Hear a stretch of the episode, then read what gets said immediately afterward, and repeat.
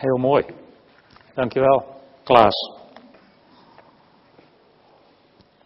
Heel mooi ook dat hij op het doopvond staat.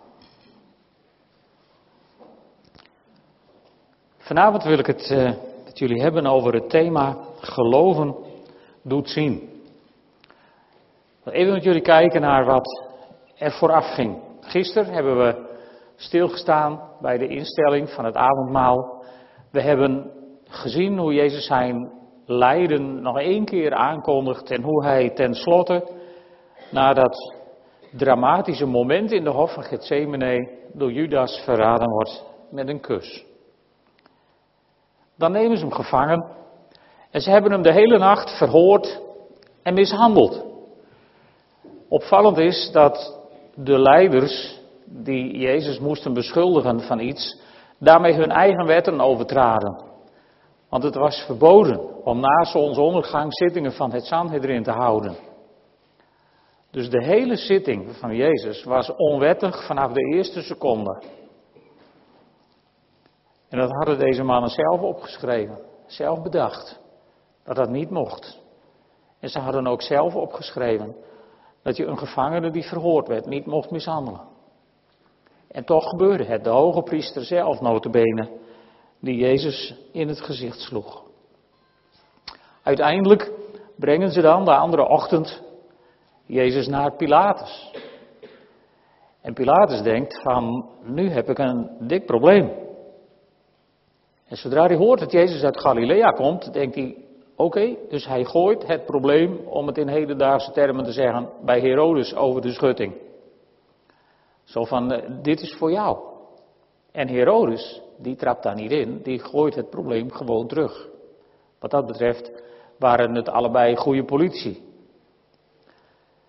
En uh, dan wordt Jezus uiteindelijk overgeleverd om gekruisigd te worden.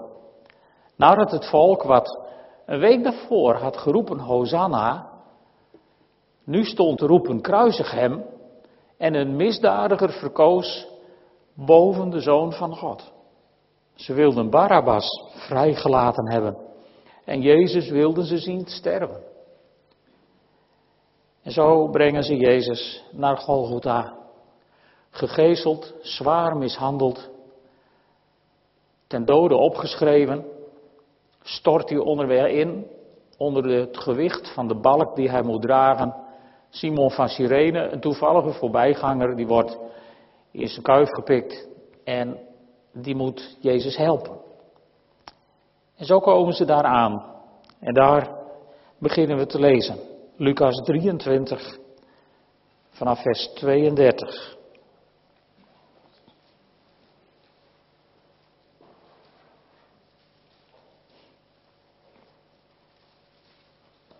Samen met Jezus werden nog twee anderen, beide misdadigers, weggeleid om terechtgesteld te worden.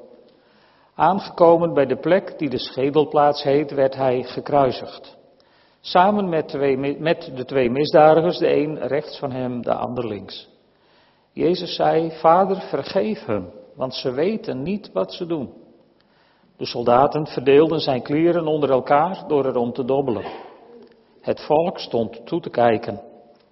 De leiders hoonden hem en zeiden, anderen heeft hij gered, laat hij nu zichzelf redden als hij de Messias van God is, zijn uitverkorene. Ook de soldaten dreven de spot met hem. Ze gingen voor hem staan en boden hem zure wijn aan, terwijl ze zeiden, als je de koning van de Joden bent, red jezelf dan. Boven hem was een opschrift aangebracht. Dit is de koning van de Joden. Een van de gekruisigde misdadigers zei spottend tegen hem: Jij bent toch de Messias? Red jezelf dan en ons erbij. Maar de ander wees hem terecht met de woorden: Heb jij dan zelfs geen ontzag voor God nu je dezelfde straf ondergaat? Wij hebben onze straf verdiend en worden beloond naar onze daden, maar die man heeft niets onwettigs gedaan.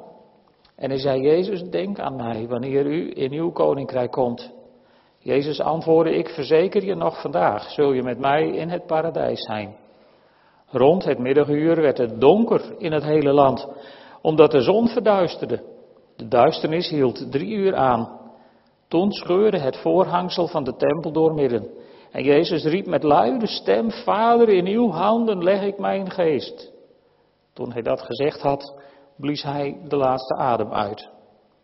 De centurio zag wat er gebeurd was en loofde God met de woorden werkelijk, deze mens was een rechtvaardige. Tot zover.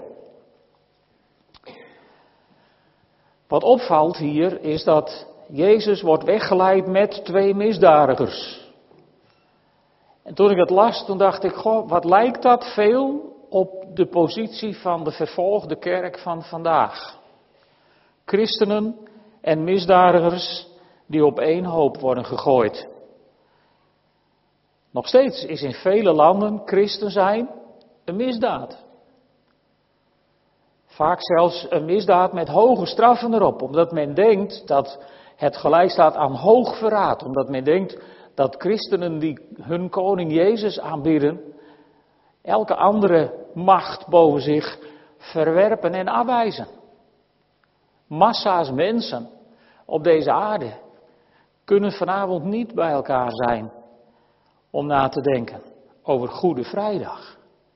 Hebben niet de ruimte om, om, net zoals wij, gewoon heel open in de krant aangekondigd, op Facebook en op Twitter aangegeven, een samenkomst hebben. Omdat het niet mag. Omdat het hun wordt ontzegd. Omdat ze als criminelen worden gearresteerd, in containers opgesloten, in de meest gruwelijke gevangenkampen worden opgesloten. Op de meest verschrikkelijke manieren worden mishandeld. Het leven onmogelijk bijna gemaakt. En daarin zijn ze navolgers van hun Messias, Jezus Christus. Op één hoop gegooid met misdadigers. En degenen die dat doen, hebben geen idee wat ze doen. Omdat ze de levende God niet kennen en eigenlijk net als Judas door Satan in bezit zijn genomen. Ik geloof ook dat Jezus daarom bad, Vader vergeef het hun, want ze weten niet wat ze doen. Ze wisten echt niet wat ze deden. Die Romeinse soldaten deden gewoon hun werk, niets meer en niets minder. En, en, en ik denk dat de Joodse leiders zo verblind waren door haat, zo door Satan in bezit waren genomen, omdat ze, omdat ze niet de levende God aanbaden, maar hun eigen positie, hun eigen plek. Het was in die tijd zo van degene die het meeste biedt, het, het hoogste bod uitbracht bij, bij de Romeinse proconsul, die mocht een jaar hoge priester zijn. Dat was een functie die was gewoon te koop. En dat was een lucratieve functie, want dan had je de beschikking over de inkomsten uit de tempel. Dus het waren mensen die, die een andere God aanbaden dan de vader van de Messias. En daarom wisten ze niet wat ze deden. Ze waren verblind en hadden geen idee waar ze mee bezig waren. En uh, Jezus heeft al eerder tegen zijn discipelen gezegd, in Matthäus 5, vers 44, ik zeg u, heb uw vijanden lief en bid voor wie u vervolgen. Weet je, wij hebben niemand die ons vervolgt. Maar ik weet zeker dat al die gelovigen die vanavond niet in vrijheid Goede Vrijdag kunnen vieren, bidden voor die hen vervolgen. Want de leidende kerk neemt dit heel serieus. Daar zouden we heel wat van kunnen leren. Want bidden voor wie je vervolgen is heel wat anders dan uit zijn op vergelding of scheldpartijen organiseren op mensen die het christenen zogenaamd moeilijk maken. Want wie maakt het ons nou nog moeilijk? Ik bedoel, waar hebben we het over? Bidden voor wie je vervolgen. Hetzelfde geldt voor de woorden uit 1 Petrus 2, vers 12, die denk ik door de leidende kerk heel goed in praktijk worden gebracht en waar wij van zouden kunnen lezen. Daar schrijft Petrus, leidt te midden van de ongelovigen een goed leven. Opdat zij, die u nu voor misdadigers uitmaken, door uw goede daden tot inzicht komen en God eer bewijzen op de dag waarop Hij komt rechtspreken. Door je goede daden. Door de manier waarop je, zeg maar, af en toe als het uitkomt, bijna net als Jezus, als een lam naar de slagbank geleid wordt. En niet scheldt, niet terugslaat als je wordt geslagen. De andere wang weet toe te keren als ze je op de ene wang slaan. De tweede mijl gaan als ze je dwingen om de eerste mijl te gaan. Allemaal dingen die Jezus had onderwezen in die drie jaren dat hij op deze wereld was. En allemaal dingen die hij op deze ene cruciale dag in het universum zelf hoogstpersoonlijk in de praktijk bracht. Hij zweeg tegen Pilatus, hij zweeg tegen Herodes, hij zweeg het grootste deel van het verhoor, zelfs voor de hoge priesters. Terwijl hij toch zo duidelijk met zijn woorden had kunnen duidelijk maken hoe het zat. En hij had, hij had maar hoeven bidden om een legioen engelen. En het was heel anders gelopen. Maar de mensen die hem vervolgden, waren ziende blind. Het typische is dat ze ook vroegen om te zien. Dat heb je, ziende blind, dan wil je zien. De leiders wilden zien en de soldaten wilden zien. De leiders die zeiden, als je de Messias bent, kom dan van het kruis af. En we zullen overtuigd zijn en we zullen je aanbidden. En de soldaten, als jij de Messias bent, kom dan van het kruis af. En een van de misdadigers die naast hem hing, als jij de Christus bent, kom dan van het kruis af en red jezelf en ons. Vinden jullie dit niet verrassend veel lijken op de verzoeking in de woestijn? Als jij de Messias bent, dan puntje, puntje, puntje. De uitdaging hier is exact letterlijk dezelfde.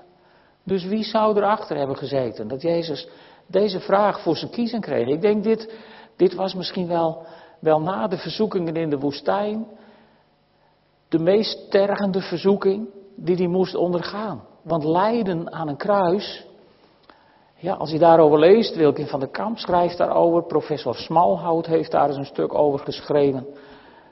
Lijden aan een kruis, dat was zo verschrikkelijk, zo onbeschrijfelijk erg, dat de Romeinen het zelfs op een gegeven moment hebben te verboden omdat het te onmenselijk was. Je hing met uitgestrekte armen. Nou, ieder die een beetje verstand van, van techniek heeft, die weet welke krachten er dan op je, op je schouders komen te hangen. Hè? Je hangt je schouders uit de kom te trekken. Met spijkers door je polsen. En dat wil je voorkomen door even te gaan staan. Maar ja, je hebt ook spijkers door je voeten. Dus het ene moment even je handen, het andere moment even je voeten. En zo hang je daar dan. Ademhalen kun je nauwelijks meer. Dus langzaam maar zeker stik je.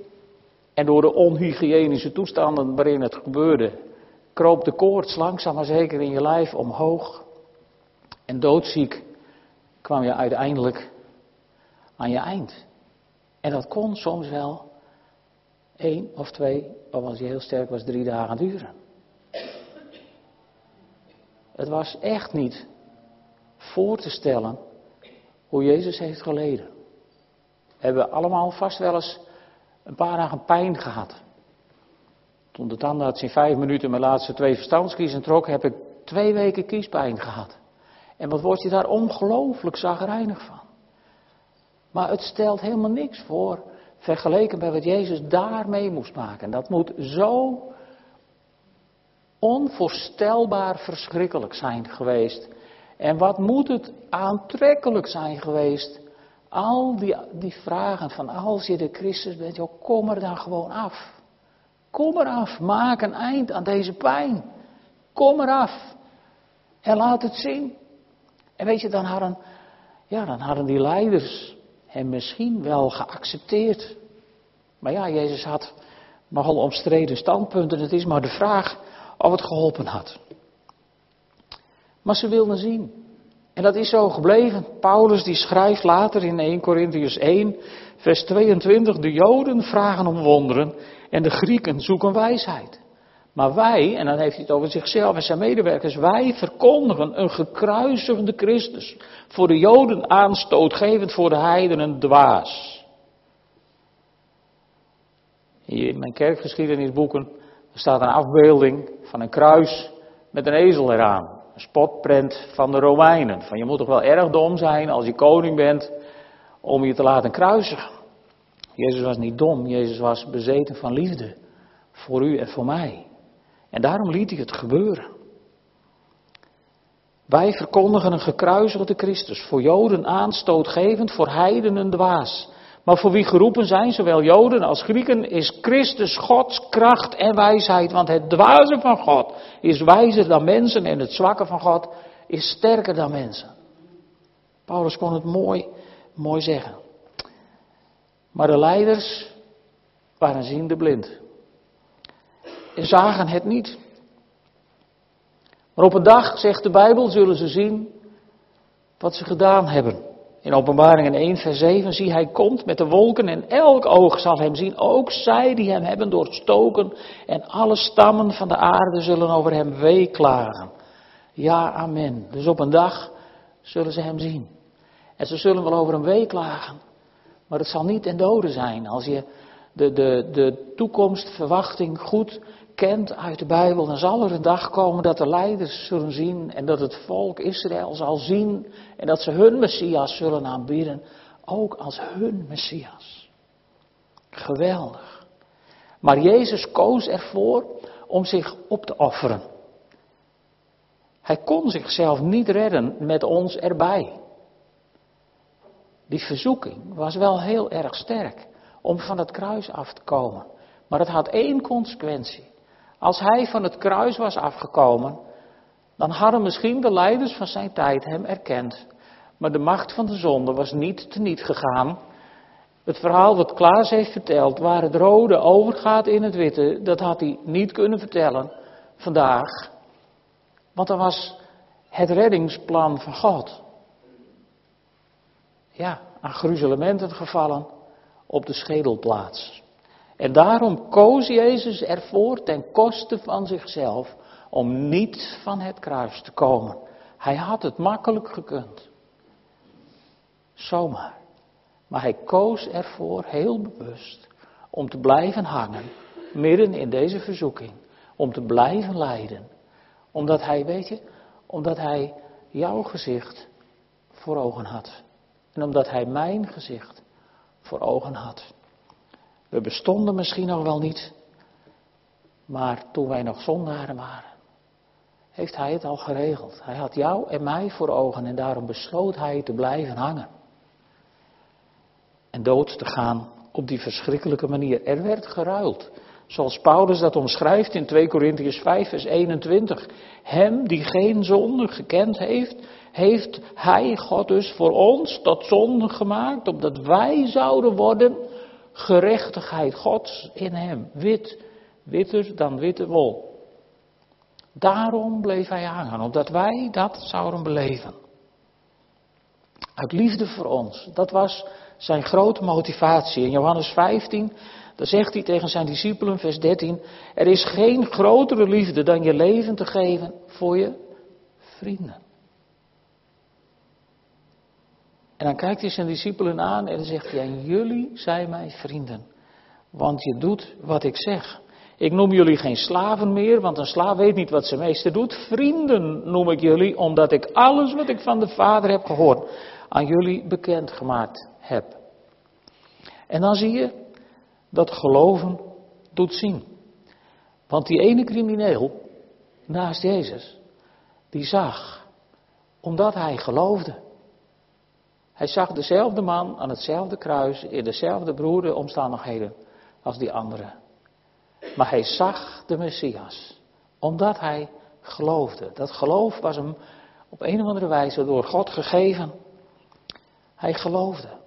En als Jezus de laatste adem uitblaast, wij zeggen dan wel eens over iemand die de geest gegeven heeft, maar wij hebben niks te geven. Wij sterven aan het eind van ons leven. Er is één mens in de hele historie geweest die de geest gegeven heeft en dat was Jezus.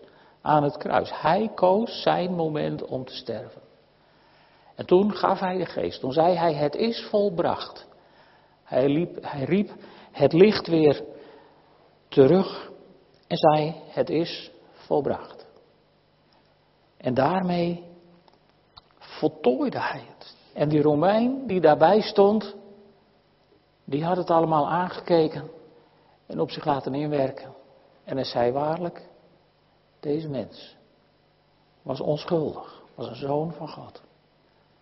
Zelfs die Romeinse soldaat komt tot inkeer terwijl de verblinde leiders, de mensen die ziende blind waren, naar huis gingen, waarschijnlijk met een voldaan gevoel van ziezo, dit hebben we opgelost. Hier zijn we af. Niet wetend wat er daarna zou komen. En zo zie je dat heidenen tot bekering komen, ook in de kerkgeschiedenis, terwijl Israël zich verhardt. Maar er is voor het volk Israël een buitengewone belofte die ik met jullie wil delen. En in Romeinen 11, vers 25, daar staat: Er is, broeders en zusters, een goddelijk geheim dat ik u niet wil onthouden. Omdat ik wil voorkomen dat u op uw eigen inzicht afgaat. Slechts een deel van Israël werd onbuigzaam en dat alleen tot het moment dat alle heidenen zijn toegetreden. Dan zal heel Israël worden gered, zoals ook beschreven staat. De redder zal uit Sion komen en wentelt dan de schuld af van Jacobs nageslacht. Dit is mijn verbond met hen, wanneer ik hun zonden wegneem.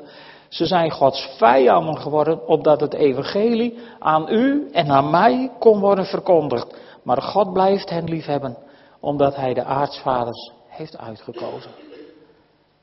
Krijg je daarmee de indruk, die ik ook had, van Jezus leed ultiem aan het kruis.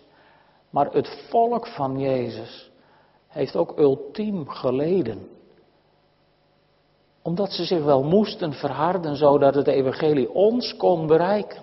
Dat is eigenlijk wat Paulus hier in dit stukje neerzet. Ongelooflijk wat God voor ons heeft overgehad en wat dat voor consequenties heeft gehad. Maar God blijft hen liefhebben omdat hij de aartsvaders heeft uitgekozen. Vind je dat niet bijzonder? Daarom is het goed om altijd voor Israël te bidden, om het volk Israël altijd voor ogen te houden. Misschien willen ze nu wel niks van de Messias weten, alhoewel statistisch zijn er op dit moment meer Messias beleidende Joden in Israël dan in de tijd van handelingen. Weet je dat? Er zijn meer Joden die de Messias erkennen dan ooit in de geschiedenis. Want God is bezig zijn plan te volvoeren. Dat plan wat in werking werd gesteld door Jezus, die zei niet mijn wil, maar uw wil geschieden. Die zei, vader vergeef het hun, want zij weten niet wat ze doen, maar hij wist wel wat er gebeurde. Hij kende het plan van God. Diezelfde Jezus, die zei, mijn God, mijn God, waarom hebt u mij verlaten? Omdat God gewoon de zonde op hem niet langer kon aanzien. En diezelfde Jezus die toen zei, het is volbracht, nu is het klaar. En toen gaf hij de geest en stierf. Tenminste, zijn menselijk lichaam stierf. En Jezus, ja, waar hij bleef. De apostolische geloofsbeleidenis zegt dat hij is nedergedaald ter helle. En Petrus geeft daar één tekst over, dus daar kun je weinig dogmatiek opbouwen. Dat ga ik ook niet proberen. Maar waar hij gebleven is, nedergedaald ter helle. Maar weet je, op de derde dag wederom opgestaan. En daarom is voor mij Goede Vrijdag is een dag om het lijden van Jezus diep op je te laten inwerken. Om, om werkelijk diep onder de indruk te raken van die enorme prijs die God heeft betaald. Voor onze redding, voor onze verzoening. Maar aan de andere kant, wij kennen het complete verhaal. Wij hoeven niet in de wanhoop te zijn, zoals de discipelen die tenslotte s'avonds naar huis gingen van nou, nou zijn wij aan de beurt. Zo hebben ze waarschijnlijk gezeten in een kamer met de deur op slot, bang voor de Romeinen, bang voor elk geluidje wat ze buiten horen. En zo hebben zij een hele andere dag gehad tussen de dood van Jezus en de opstanding van Jezus dan wij mogen hebben. Dus laten we morgen niet een dag van rouw hebben omdat Jezus dood is. Want mijn Jezus leeft. Mijn Jezus leeft en troont in de hemel aan de rechterhand van God, van waar hij komen zal om te oordelen de levenden en de doden op een dag. Hé, mijn Jezus leeft. En dus vrienden, zou ik jullie willen zeggen, op deze avond, gefeliciteerd met jullie verlossing. Wees er zuinig op, want de prijs was onvoorstelbaar hoog. Amen.